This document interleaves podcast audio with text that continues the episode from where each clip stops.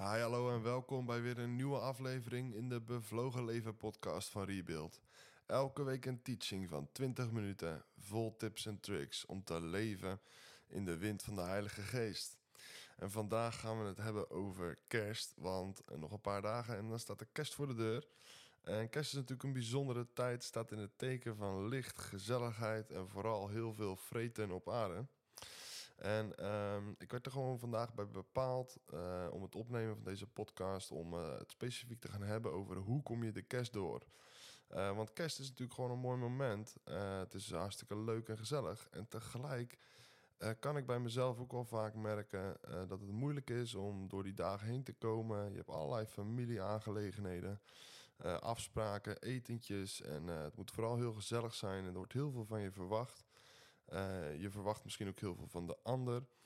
En um, het kan best wel ingewikkeld zijn om die kersttijd door te komen. Niet omdat je je familie niet leuk vindt of zo. Maar simpelweg omdat het gewoon soms best spannend is met al die familie uh, bij elkaar. Uh, de hoge verwachtingen. de boel sociale dingen en de gezelligheid waar jij vooral in mee moet doen. En dat kan soms best lastig zijn. Dus ik wil het vandaag gaan hebben over hoe kom je de kerst door. Ik wil een aantal dingen met je delen. Uh, die gaan over eenzaamheid. Maar ook uh, hoe ga je om met de familievibes? Uh, hoe, hoe zorg je ervoor dat je ja, niet aan het einde van de kerstdagen helemaal af bent en zaggerijnig. En dat, dat het wel weer twee jaar mag duren voordat het weer kerst wordt. En ik denk dat het belangrijk is. Dus daar gaan we het vandaag over hebben. En we gaan het eerst hebben over, over eenzaamheid. Want ik denk dat juist in deze tijd eenzaamheid een, een heel groot thema is. Kijk, eenzaamheid is iets anders als alleen zijn. Ehm, je kan uh, alleen zijn en je eenzaam voelen. Uh, maar eenzaamheid is een gevoel uh, wat niet alleen, of eigenlijk niet, niet komt omdat je alleen bent. Je kan midden in een groep zijn, je kan met al je familie zijn, je kan met twintig mannen in één huis zitten. omringd zijn door familie en vrienden en je nog steeds hartstikke eenzaam voelt. Gemiddeld zeggen de Nederlanders dat 49% van de Nederlanders voelt zich regelmatig eenzaam en 14% voelt zich extreem eenzaam. En met kerst is dat zelfs 25%. Dus 1 op de 4 Nederlanders, dus 1 op de 4 luisteraars ook gewoon op dit moment, uh, kan juist tijdens de kerstdagen zich eenzamer voelen uh, dan normaal. En dat is helemaal niet gek, want uh, dat is een gevoel wat je kan overvallen. En dat is een gevoel wat we allemaal wel eens hebben, denk ik. Ehm, alleen de vraag is alleen, hoe ga je daarmee om? En zeker ook tijdens deze, uh, deze dagen. Kijk, in de Bijbel zie je heel veel verschillende uh, vormen. Uh, of eigenlijk heel veel verschillende personen die te maken hebben met een grote eenzaamheid. Koning David schreef bijvoorbeeld in Psalm 25 dat hij zich eenzaam en ellendig voelt. Misschien ken je het verhaal van Elia, die zeg maar op de top van de berg staat. op de berg Horeb, waar dat, of Karmel, waar, dat bijzondere, waar dat bijzondere wonder gebeurde. Met dat vuur wat uit de hemel komt. Je zou zeggen, hij hij moest. Uh, bij, het kon bijna niet anders dan dat hij wel in een soort zevende hemel leefde. Alleen een dag later ligt hij, uh, ligt hij onder een struik te huilen en zegt hij: God, ik, ik ben liever dood dan dat ik dit nog langer doe. Um, dus zo zie je dat eenzaamheid ook in de Bijbel gewoon veel voorkomt. Zelfs Jezus, toen hij aan het kruis hing, uh, zei tegen God: Mijn God, mijn God, waarom heeft u mij verlaten? En ik denk dat eenzaamheid uh, een heel heftig thema is. Eenzaamheid kan zich echt in je gedachten nestelen. En eenzaamheid kan echt uh, als een hele grote wolk over je heen hangen. En misschien heb je dat gevoel wel eens. Uh, ik heb me regelmatig eenzaam gevoeld en dat gebeurt nog wel eens vaker. Um, en dat zijn momenten die je als het ware echt kunnen overvallen. En dat je je afvraagt: is er wel iemand die om mij geeft? Uh, heb ik wel iemand waarbij ik terecht kan? En ook al zeggen honderd mensen om je heen dat dat zo is, uh, als je dat niet voelt, dan kan het best ingewikkeld zijn. En daarom geloof ik ook eenzaamheid is uh, niet iets wat voortkomt uit alleen, alleen zijn, zeg maar. Uh, eenzaamheid heeft vaker nog veel meer te maken met hoe je jezelf voelt. Het kan bijvoorbeeld te maken met die gedachte die ik net ook al noemde. Is er wel iemand die om mij geeft? Is er wel een plek waar ik terecht kan? Eenzaamheid vindt zijn wortels in zorgen maken eigenlijk. Uh, zien mensen mij wel staan? Gaat het wel goed komen? Uh, ik mis dit. Ik mis liefde. Ik mis verbinding. Ik mis eenheid. Ik mis mensen om me heen. Ik mis dit of ik mis dat. En ik geloof, God is geen God van eh, tekort, maar God is juist een God van overvloed. En wanneer wij ons eh, eenzaam voelen, is dat heel vaak gekoppeld aan een gevoel van wat we niet hebben. Uh, maar zoals ik al zei, God wil jou alles geven. Hij zegt in Johannes 10, vers 10 over Jezus. Jezus zegt daar over zichzelf: Ik ben gekomen om leven in overvloed te geven. En Satan is gekomen om te roven, te stelen en kapot te maken. Dus uh, wat we moeten ontdekken is dat als we ons eenzaam voelen en we hebben gedachten van eenzaamheid of we maken ons zorgen over bepaalde dingen, dat zijn geen gedachten van God, geen gedachten van zijn koninkrijk, maar dat zijn gedachten van de duisternis die ons proberen naar beneden te halen en die het, uh, het liefst hebben dat je jezelf isoleert. En hoe meer zorgen je maakt, hoe meer je focust op die dingen die je mist, hoe sneller je ook uh, je eenzaam gaat voelen, je, meer zorgen gaat maken, je meer depressieve gedachten krijgt. En hoe sneller je ook geneigd bent, juist om jezelf te verstoppen, in je bed te blijven liggen. Um, en niet opkomen dagen op uh, sociale dingen en dat, en dat soort dingen. Maar juist jezelf echt als het ware isoleren. En dat is juist ook het werk van Satan. Is dat hij het liefste mensen scheidt, mensen isoleert, wegisoleert van familie, van vrienden, van de kerk, van de mensen om je heen. Om er maar voor te zorgen dat je zo min mogelijk een gemeenschap hebt, zeg maar, dat je zo min mogelijk verbinding hebt uh, met anderen. En hoe meer je geïsoleerd raakt, hoe meer je ook in die visieuze cirkel dreigt te raken. En ik hoop gewoon dat ik je een paar tips mag geven en ook mag bemoedigen hierin. Want dit is, een, dit is een heftig thema waar heel veel mensen mee te maken hebben. Het zij in meerdere of in mindere mate. Ik zei al, eenzaamheid komt vaak voort uit zorgen maken. Is er wel iemand die mij ziet? Is er wel iemand die om mij geeft? Het gaat maar malen en het, en het krijgt een, um, een soort visieuze cirkel in je hoofd van gedachte na gedachte. Ik geloof, God is geen God van tekort, geen God van zorgen maken. Jezus zelf zegt: maak je geen zorgen over de dag van morgen. Want als God die lelies in het veld en die vogels in de lucht al bekleed met zoveel pracht en praal, hoeveel te meer zal hij wel niet voor jou zorgen als mens? Ik weet niet of je wel eens gekeken hebt naar een papegaai of een, of, een, of een bepaalde plant of een bloem. Als je ziet hoe bijzonder die dingen al gemaakt zijn, hoeveel te meer heeft God jou wel niet op het oog? En deze God die, uh, die wil jouw leven in overvloed geven. En heel vaak uh, hebben we dat ook in bepaalde mate ook wel, maar kunnen we dat moeilijk zien. Ik geloof een van de, uh, een van de sleutels om um, te ontdekken hoe rijk en gezegend je bent, is door op zoek te gaan naar wat heeft God jou uh, wel gegeven. Kijk, dankbaarheid verdrijft het zorgen maken. In Filippenzen 4 kan je daar heel veel over lezen. staat: Maak je geen zorgen, maar verblijd u altijd en dank God zonder ophouden. Dank God in alles. Echt ontdekt, als je stopt met dankbaar zijn voor de dingen die God je geeft, uh, ga je automatisch sneller zorgen maken. Als je uh, stopt met dankbaar zijn voor wie God allemaal aan je geeft, uh, ga je je vroeg of laat ook sneller eenzaam voelen. En dankbaarheid is een manier om niet alleen naar God te uiten dat je dankbaar bent voor wat Hij geeft, wat Hij, wat hij doet in je leven. maar is ook een manier om bij jezelf te ontdekken hoe rijk en gezegend je wel niet bent. Dus begin met danken. Begin met God groot te maken. Begin op te schrijven wat Hij allemaal voor je heeft gedaan. Begin op te schrijven um, uh, wat de mooie dingen zijn aan de mensen om je heen. Of wat ze voor jou hebben gedaan. Of de zegen die je hebt ervaren uh, in je leven. en in wat zij allemaal hebben gegeven. Dankbaarheid verdrijft zorgen maken. Dus begin met te danken voor wat je hebt. Begin met te danken voor de zegen. En misschien moet je het gewoon opschrijven. Ik weet zeker als je gaat opschrijven wat de mooie dingen zijn in je leven, wordt het een hele lange lijst. En ga je op een gegeven moment ontdekken van wow, dat is eigenlijk best heel veel. En zo bijzonder is God dat Hij uh, ons zoveel liefde en zoveel overvloed wil geven uh, in al die dingen. En ik geloof als je een lijstje gaat maken, de vrienden die je hebt, de mensen die je om je heen hebt, familie, hoe ver of hoe dichtbij ook, misschien zelfs gewoon de buurman of dat iemand iets tegen je zei, of je bemoedigde, of je een compliment gaf. Schrijf dat gewoon eens op en ga ontdekken wat God allemaal in je leven heeft gedaan. En ik wil je ook gewoon bemoedigen, want het is, ook niet makkelijk. Um, eenzaamheid kan je echt overvallen en het kan je echt lam leggen. Eh, maar ik geloof dat eh, God is erbij. En ik, moest denken aan een psalm. Dat is echt een van mijn favoriete psalmen. Dat is psalm 139. Er staat in vers 1 staat... Heer, u doorgrondt en kent mij. U kent mijn zitten en mijn staan. U begrijpt van verre mijn gedachten. U onderzoekt mijn gaan en mijn liggen. U bent met al mijn wegen vertrouwd. En ietsje verder staat: eh, U weet al waar ik aan denk voordat ik er zelf aan denk. God is zo betrokken op je leven dat Hij al jouw wegen kent. Dat wat je, waar je naartoe gaat, op welk bed je gaat liggen. God weet precies van dag tot dag, van moment tot moment, wat je aan het doen bent. En is op die manier dus ook betrokken op je leven. Ietsje verder staat: um, Uw hand is boven mij, onder mij, achter mij en voor mij.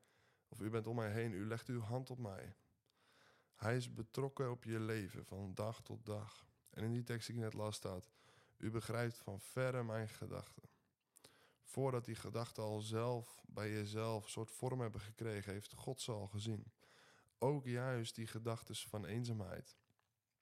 En die gedachten van uh, onzekerheid en onveiligheid. God is erbij. Hij kent jou. Hij weet wat je doet. Hij weet hoe je je voelt. En je mag ook juist aan Hem vertellen hoe je je voelt. Je mag ook juist aan Hem vertellen wat je ervaart. En ook gewoon wat je mist. Je mag ook klagen bij God. Maar God is erbij. En ik hoop dat je daarmee mag bemoedigen. Um, dat, um, dat Hij bij is. Het tweede waar ik het over wilde hebben met je is van hoe ga je nou om met die familie vibes, om het even zo te zeggen. Eerste kerstdag, uh, eigen familie. Tweede kerstdag, uh, andere familie. derde kerstdag, vrienden. Ik weet niet precies hoe jouw kerst er de komende dagen uitziet, maar kerst is een, is een bijzondere tijd van heel veel sociale dingen. En misschien heb je dat zelf wel ervaren, of misschien heb je het ook wel helemaal niet. Dat is ook natuurlijk prima, dat is alleen maar goed. Dat zulke kerstdagen, best wel los van dat ze intensief zijn, soms ook best heftig zijn. En uh, dat je soms bij jezelf allerlei gevoelens naar boven voelt komen. Uh, gevoelens van irritatie, gevoelens van frustratie, uh, gevoelens van chagrijnigheid. En dat je het liefst zo'n sociale, zo'n sociaal moment met je familie negeert of aan je voorbij laat gaan. Maar ik geloof dat het, ja, ik, ik, heb gewoon heel sterk ervaren om hierover te spreken. Het hoeft niet zo zijn dat, je, dat het een puinhoop is in je familie. Ook in goede families kunnen tijdens zulke dagen irritaties ontstaan. En dat komt omdat wanneer een gezin bij elkaar komt of een familie bij elkaar komt, dan ook bij de volwassenen komt het kleine kind naar boven. Dus ook die volwassenen zoeken dan weer de goedkeuring van hun ouders, zoeken weer eh, de goedkeuring van hun broer of van hun zus. Er komt heel veel op je af als volwassene of als jongere of als tiener of kind tijdens dat soort dagen. Dus je kan een hartstikke fijne familie hebben, of juist niet. Misschien heb je ook al gewoon een familie waar heel veel problemen zijn. Uh, waar de kleinste opmerking al direct voor irritatie zorgt. En hoop ik dat ik gewoon uh, uh, nu ook een mooie tip voor je heb. Want ik denk dat het belangrijkste wat God van jou verlangt, is dat er eenheid is in je familie. De hele Bijbel die staat vol met teksten over eenheid, over de kracht van samen zijn. over de kracht van eenheid onder elkaar, waar liefde heerst. En een van die teksten is Psalm 133. Er staat: Zie hoe goed en hoe lieflijk het is dat broeders eensgezind samenwonen. Het is als kostelijke olie op het hoofd die neerdaalt op de baard. Want daar gebiedt de Heer de zegen en het leven. En staat erachter tot in eeuwigheid. Waar eenheid is en liefde is, daar geeft God zijn zegen en daar geeft Hij zijn leven. En ik geloof voor de komende dagen dat het zo belangrijk voor je is om te gaan ontdekken dat als er eenheid is in je gezin, als er eenheid is in je familie, als er eenheid is in de groep met wie je bent, dan is er liefde. En dan gebiedt God zijn zegen. Er staat niet, dan kijkt God of hij zijn zegen geeft. Nee, dan gebiedt hij zijn zegen. En het leven, dat betekent dat het gaat bruisen, dat je ervan geniet, dat er leven in de brouwerij is. En er staat erachter tot in eeuwigheid. Dus als er eenheid is en je houdt die eenheid in stand, dus belangrijk eenheid in stand te houden, daar gaan we het zo over hebben dan is God daar in, in, in ons midden. Dan is God daar aanwezig met zijn liefde, en met zijn zegen en met zijn leven. En Efeze 4 zegt, zo roep ik uh, u op tot een wandel die de roeping waarmee u geroepen bent waardig is. En staat er in vers 2: In alle nederigheid en zachtmoedigheid, met geduld, door elkaar in liefde te verdragen. En u te beijveren om de eenheid van de geest te bewaren. Door de band van de vrede. Paulus zegt hier niet, je moet die eenheid creëren. Hij zegt, je moet die eenheid bewaren. En ik geloof dat in Jezus, als wij met gelovigen zijn, als wij een gelovige familie hebben, uh, wij hebben eenheid die, ons, uh, die we gekregen hebben. Simpelweg omdat we kinderen van God zijn. En Paulus zegt niet, je moet die eenheid kweken of je moet die ergens kopen of daar moet je wat je best voor doen. Hij zegt, je moet die eenheid bewaren. En dat kost wel heel veel energie. Want de eenheid is heel snel geroofd. Sowieso in een kerk, uh, sowieso in een vriendengroep, maar zeker ook in een familie. Wordt die eenheid heel snel geroofd. En dan zegt hij, je moet je beijveren om die eenheid te bewaren. Dat betekent eigenlijk, daar moet je je voor inzetten. Daar moet je je best voor doen. Heel veel mensen gaan met zo'n uh, houding naar die kerstdagen van... Uh, ze, uh, hun moeten lief doen, of zij moeten oké zijn, of niet te gek, of niet te druk, of niet te veel geklaag, of niet te veel herrie, of niet te veel hysterisch. Heel veel mensen zoeken naar wat die ander zou moeten doen. Maar de Bijbel zegt niet dat die ander zich moet beijveren voor de eenheid, maar dat jij je moet beijveren voor die eenheid. En daarom is het ook als je zo, zo'n dag of zo'n moment of een diner ingaat, dat je die blik op eenheid hebt. En dat je jezelf beijvert. Dat betekent dat je je best doet, je stinkende best doet, om die eenheid uh, te bewaren. Die hebben we al gekregen. Nou, hoe doe je dat? Zegt Paulus zelf ook in vers 2. In alle nederigheid en zachtmoedigheid met geduld. Nou, wat betekent nederigheid? Is dat je de ander hoger acht dan jezelf. Dat je niet het belang van jezelf zoekt, maar het belang van die ander. En dat kan heel simpel door het laatste gourmetvleesje uh, niet zelf te pakken, maar aan niemand anders te geven. Kan heel simpel door aan het einde van het diner uh, de tafel af te ruimen in plaats van een ander te laten doen. Dat is nederigheid, dat je die onderste weg kiest en dat je die ander hoger acht dan, die dan jezelf. Ook als diegene zich misschien misdraagt of een lelijke opmerking maakt of wat dan ook. Want dat betekent uh, geduld hebben. Geduld hebben betekent dat uh, niet dankzij wat een ander doet, dankzij wat een ander doet, maar ondanks wat een ander doet. Dat je nog steeds lief bent voor diegene, nederig bent en, en je zachtmoedig gedraagt. Dus ook al maken mensen slechte opmerkingen, doen ze vervelende dingen, je broer of je zus of een ander familielid. Of merk je dat je geïrriteerd wordt door gewoon hoe de dingen gaan. Want ik, laat ik heel eerlijk zijn, ik heb het zelf al snel.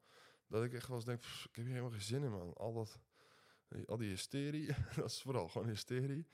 Doe gewoon chill. Maar nee, de Bijbel zegt, wees nederig en heb geduld met elkaar. Kies voor die weg, onderste weg. En zachtmoedig betekent ook gewoon, laat jij niet degene zijn die die verkeerde opmerking maakt. Laat jij niet degene zijn uh, die lelijk doet tegen een ander. Of die naar die ene steek onder water geeft. Want vaak is dat het in families. Het zijn die kleine steekjes onder water. Dus Paulus roept ons op om die eenheid te bewaren. En dat betekent dat je anderen voor laat gaan. Dat je niet kiest voor jezelf. Dat je vervelende opmerkingen inslikt. En geloof me, het is niet altijd makkelijk. Uh, maar dat is het volgen van Jezus ook niet. Kijk, als, wij, als je een volgeling of een discipel van Jezus bent, dan uh, moet je vaker voor de ander kiezen, vaker voor Jezus kiezen dan voor jezelf. Sterker nog, de Bijbel zegt, je moet je oude mens kruisigen. Dus je oude jij mag doodgaan. En de nieuwe jij in jou, Jezus in jou, die mag gaan heersen en regeren. Nou, wat is belangrijk voor die dagen, is dat je de juiste verwachting hebt. Ja, je hebt ongetwijfeld eerdere jaren kerst gevierd. Uh, denk even terug hoe dat was en zorg dat je de verwachting, dat je een realistische verwachting hebt van die dagen. Uh, de media, deze hele wereld, de commercie heeft het zo opgeblazen dat die kerstfeesten als het ware het hoogtepunt van gezelligheid moeten zijn in het jaar. Terwijl ik geloof, als je door het jaar heen niet kan, dan kan je het ook niet met kerst. En ik weet niet hoe dat in jouw familie is, nogmaals. Uh, maar zorg dat je de juiste verwachting hebt die past bij het gezin waarin je zit, de familie die je hebt. ook als het goede familie is, weet je al. Uh, zorg gewoon dat, je, uh, dat jij komt om te dienen. Uh, want dat is ook een tweede tip die ik, die ik je mee wil geven. Wat mag jij doen?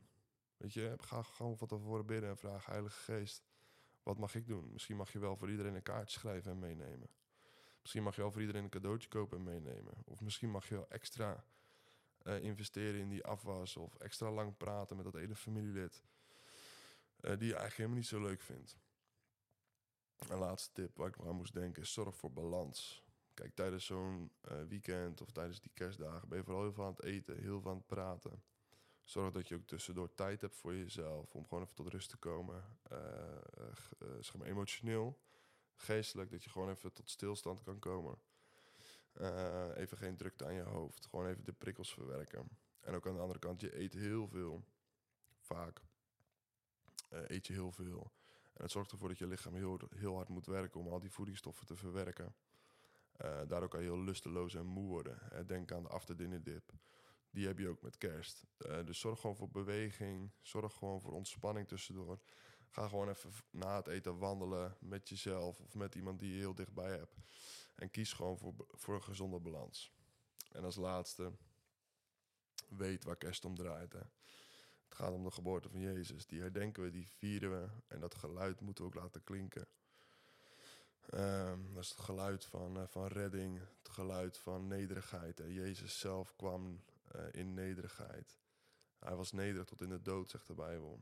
Zo mogen wij hem ook achterna gaan en juist dat goede voorbeeld volgen. Dus nodig ook iemand anders uit, iemand die misschien alleen is. En zorg dat kerst uh, niet alleen vrede op aarde wordt, maar juist vooral vrede op aarde. Ik wens je heel veel zegen ook uh, met deze kerstdagen. Geniet er ook gewoon van. En uh, als je je eenzaam voelt, uh, bid tot God. Ga danken voor de dingen die, die Hij heeft gegeven. En als je echt omhoog zit, stuur ons een DM. Kom gewoon in de lucht, want we willen er voor je zijn. En we geloven dat het beste nog moet komen. Volgende week gaan we het hebben over het jaar bekronen. Hoe je het jaar het, op de allerbeste manier afsluit. Want ik geloof dat het uitmaakt hoe je je jaar afsluit. Want dat bepaalt hoe je je jaar ingaat. En volgend jaar gaat je beste jaar ooit worden. Als je goed luistert naar onze podcast. Dat is natuurlijk een beetje een grapje, maar daar gaan we het ook over hebben in januari. En we gaan vast in januari. Dus er staat een heleboel op de rol. Maar uh, tot die tijd geniet vooral van de feestdagen. En ik uh, wens je alle goeds en zegen en vrede toe. Ik hoop dat je geïnspireerd en aangespoord bent om een bevlogen leven te leiden. Rebuild heeft het verlangen dat Gods koninkrijk zichtbaar en tastbaar wordt in elk facet van het leven. In jouw leven. En niet alleen in dat van jou, maar ook in dat van je buren, je familie, je vrienden en je collega's. Wil je meebouwen met Rebuild en ben je benieuwd hoe je dit kunt doen? Kijk dan op www.rebuilders.nu meebouwen. Ik wens je nog een hele fijne dag.